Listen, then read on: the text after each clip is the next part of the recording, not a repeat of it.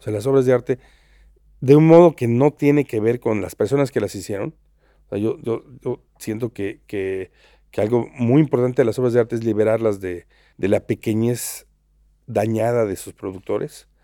Son constataciones que nos permiten regresar sobre una situación de una cierta manera que no lo, no lo permiten las descripciones o las elucubraciones, que nuestra función de verlas como testigos de algo es muy importante, que nos sacan del tiempo, o sea, eso que llaman contemplación, quizá tenga una base real en que es un, son medios, son como pequeños ojos de tiempo, y que esa es una de las peculiaridades más interesantes de, la complejidad de nuestra subjetividad.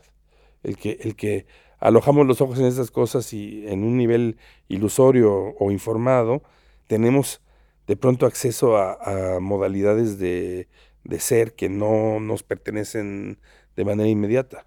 En el arte contemporáneo eso se hace muy, muy, muy, muy presente. Hay a veces distancias de subjetividad extraordinarias que están ocurriendo en un mismo, en una temporalidad histórica aparentemente uniforme. Ese valor es algo que uno tiene que proteger, creo, y eso es una función de los museos, de la ceguera inmediata de los otros valores. Yo estoy absolutamente convencido que ciertos dispositivos que nosotros habitamos, las bienales, los museos de arte contemporáneo, las ferias de arte, incluso el modelo del simposio crítico. Son instituciones del capitalismo avanzado. Al mismo tiempo estoy muy claro que eso no significa que sean instituciones que están afiliadas, militan por y son las principales beneficiarias del capitalismo avanzado. O sea, yo creo que los sindicatos, las confederaciones internacionales y los magnicidios eran instituciones del capitalismo industrial.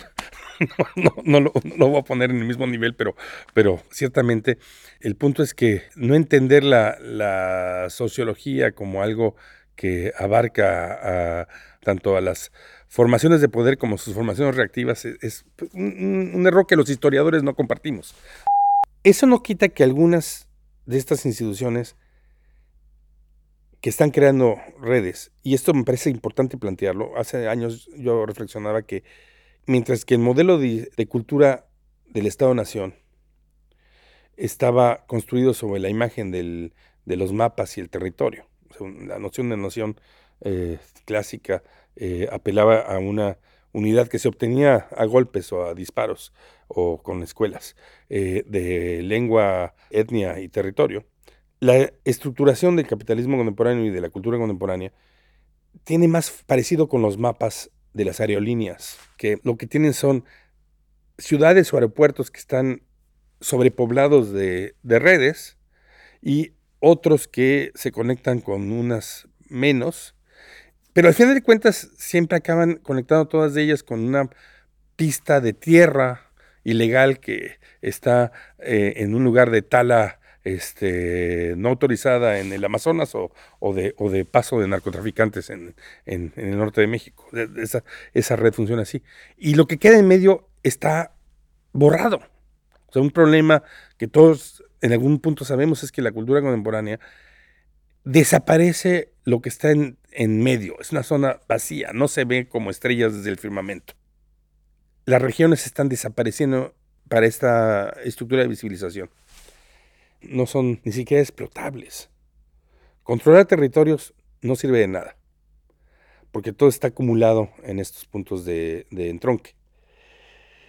Entonces sí, es evidente que en la nueva geografía las élites económicas, políticas, intelectuales, militares, poéticas, de diseño, apuestan a inscribirse en esos telares. Algunas lo hacen con más éxito que otras. Y no necesariamente hay una correlación entre inversión y resultado. una cosa es construir los aeropuertos y otra cosa es que alguien decida bajar. Eh, eso, tenía que ver con qué clase de razón había para insertar ese espacio en esa red imaginaria. Para efectos de la periferia, un elemento que sirvió, hoy ya no creo que sea tan importante, durante los años 80, 90 y, y 2000, fue el modo en que ciertas antiguas periferias o ciertas zonas ingresaron en la red porque se volvieron tematizables. Es decir, de pronto aparecía una cuestión que era aparentemente clave en la narrativa global. El fin del socialismo, arte y religión, la ciudad en el neoliberalismo convertida en un lugar de crimen y de creatividad. Temas tamaño CNN, o sea, reducidos a, a la mínima expresión de inteligencia. Ocho columnas vendibles. Buena parte de las capitales alternas del arte contemporáneo entraron al circuito con esa clase de aeropuerto, con el eslogan de soy China y hago eternamente arte posmaoísta en el capitalismo.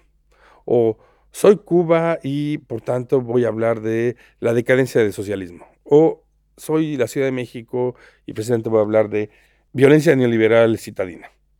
Entonces esas one-liners, esas estereotipias, eran un paso necesario para poder ingresar.